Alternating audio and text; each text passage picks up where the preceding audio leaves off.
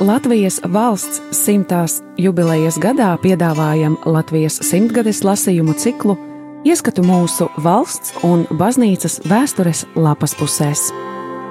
Julians Vaivots Septiņi mēneši Liepājas cietoksnī. No 1944. gada 9. oktobra līdz 1945. gada 9. maijam.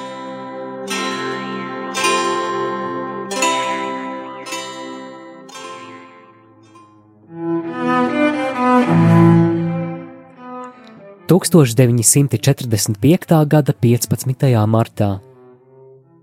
Pēc cīņu atslābuma dienvidaustrumos no Liepājas un priekules ieņemšanas no Krieviem, vēl jo sīvākas cīņas risinās ap saldu.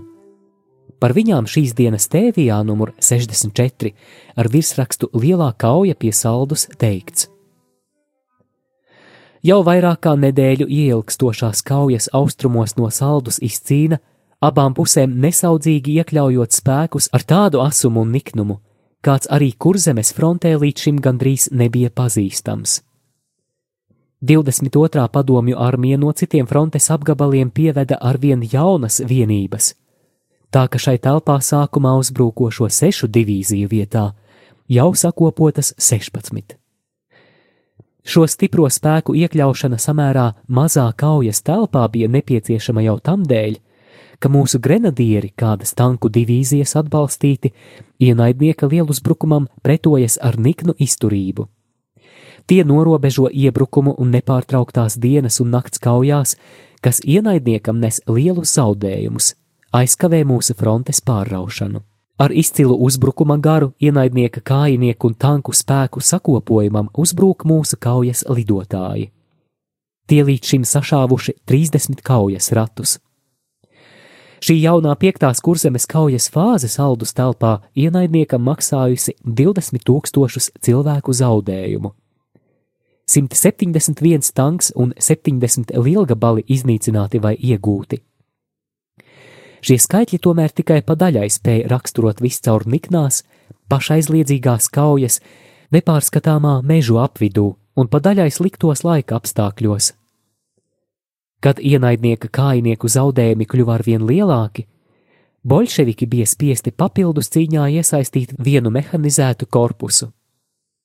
Bet arī šī gandrīz 120 tanku lielā masa, ko meta cīņā tikai nedaudzus kilometrus platā frontes joslā, nespēja sasniegt spraustos mērķus, kaut arī daži iebrukumi bija nenovēršami. Grenadieri cīnās kā lauvas, Vispirmā kārtā kāda norūdīta kājinieku divīzija, kas viena pati pretojās un kādā svarīgā ceļu krustojumā noturēja savu fronti pret 26 bataljona un pulka stiprinājumā izdarītiem ienaidnieka uzbrukumiem, ko atbalstīja kaujas lidotāji, tanki un artilērija. Neraugoties uz ārkārtīgo piepūli, mūsu vienības pastāvīgi pārgāja pašaizliedzīgos pretuzbrukumos lai iztīrītu ierakumus un atgūtu zaudētos apvidus. Tā viņi veikli un improvizatoriski vadīti līdz šim iznīcinājuši visus ienaidnieka plānus. Vienmēr no jauna pienāk ziņas par atbalsta punktiem, kuri iztur arī šķietami bezcerīgā stāvoklī.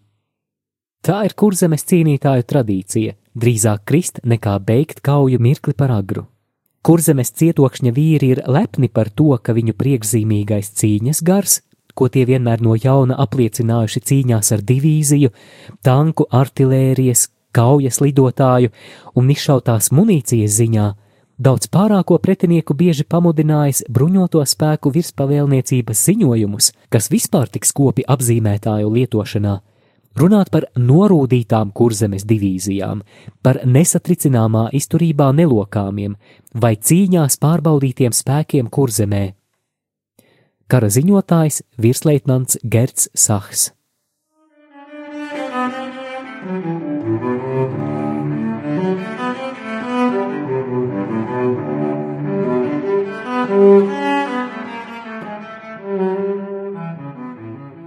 1945. gada 16. martā. Kas normālos apstākļos būtu pati par sevi parasta lieta, Tas pašreizējos izliekas kā kaut kāds ārkārtīgs sasniegums. Šodienas kārdinieki beidz labot baznīcas jumtu, kuru tuvumā kritušās bumbas iesāka un vētra gandrīz nobeidza plēst. Baznīcas galvenās navas jumts ir no dabiskā šīfera, un tas turas labi, bet pārējās jumta daļas no cinkotas kārda. Ar to ir vesela nelaime. Pēdējos gados reizēm liepājā plosās tik spēcīgas vētras, un baznīcas augstie jumti klajā apvidū padoti tik lielam vētras brāzienam, ka vējš vienkārši izrauj skārdu no falcējumiem. Tā tas bija arī pēdējā vētrā, kad jumta daļas plantījās pa gaisu līdz vētras apklušanai. Šā tā vēlāk tās pienaglojām, un nebija nekādas cerības jumtu kārtīgi salabot. Pagājušajā nedēļā izdevība to izdarīt nokrita kā no gaisa. Vācieši tagad samērā ar mums ir visspēcīgi, jo viņu zināšanā viss darba spēks un viņu rīcībā arī materiāli. Kādā sarunā ar liepājas vācu kara mācītāju sāku izklāstīt savas bēdas, un viņš apsolīja parunāt ar Totha organizācijas pārstāvi, vai nevarētu salabot garnizona baznīcas jumtu. Patiesībā mūsu katedrāli varētu arī bez pēdiņām saukt par garnizona baznīcu jo pa visu vācu okupācijas laiku viņā katru svētdienu notiek dievkalpojumi katoļticīgiem vācu karavīriem. Ideja rada labvēlīgu atrisinājumu. Tika atsūtīti divi strādnieki, no kuriem viens pie baznīcas jumta strādāja vēl pirms pieciem gadiem. Oficiāli darbus norakstīja uz kara organizācijas rēķina. Es no savas puses atkal gādāju par to, lai meistariem netrūktu labas gribas, arī kroņa darbu strādājot. Un beigās, nu jums ir salabots, un, un visi šīs lietas dalībnieki apmierināti uz to labāko. Pats par sevi saprotams, ka šodien Markas nevienam labu gribu nevar iedvest, tāpēc vajadzēja šķirties no vienas otras mantiņas. Un citādi tas arī nevarēja būt Tomēr baznīcas jumta remonts pašreizējos apstākļos man ir tikpat liela laime, kā aklai vistai pagadījies grauds.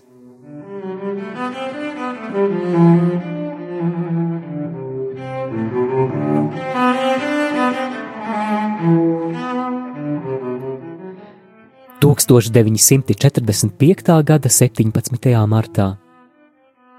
Turies nuliepāja, jāsaka pašiem sev. Pēc cīņu apsīkšanas saldus rajonā tās liekas nepajokam uzsāktas liepājas apkārtnē.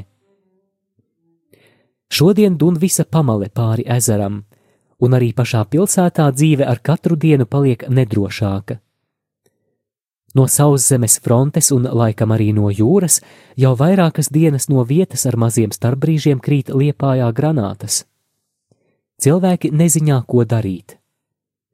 Pie bombardēšanas no gaisa kārtība bija zināma. Trauksme ziņoja par briesmām, un visi slēpās patvērtnēs līdz trauksmes atsaukšanai. Bet tagad pilnīgā nezināšana, kas notiek, tikai dzird stiprus sprādzienus. Daži pat ir pārliecībā, ka šauj vietējā artilērija. Patiesība kļūst zināma tikai tiem, kam gadās būt tuvumā, kur kāda granāta sprākst.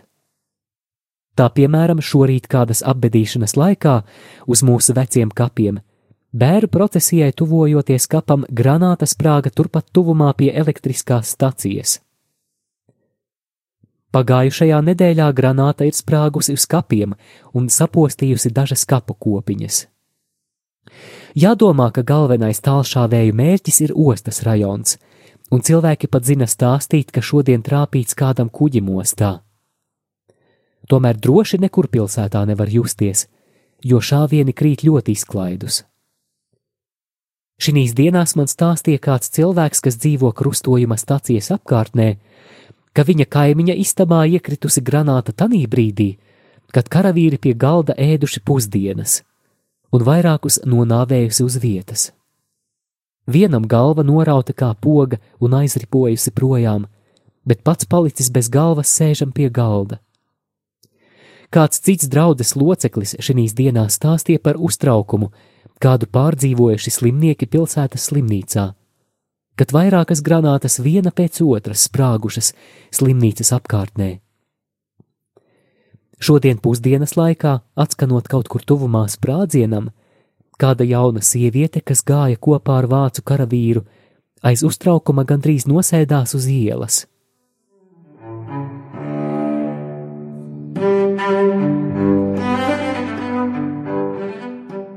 Pagājušās sestdienas vakarā apšaudīšanas laikā no izbailēm bija miris viens mans draugs loceklis, kuru tikai dienu pirms tam vēl apmeklēju.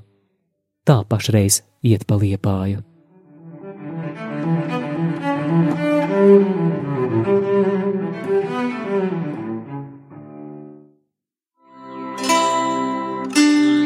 Radio Marija Latvija ēterā Latvijas simtgadēji veltīti lasījumi.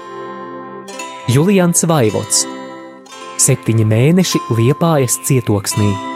No 1944. gada 9. oktobra līdz 1945. gada 9. maijam.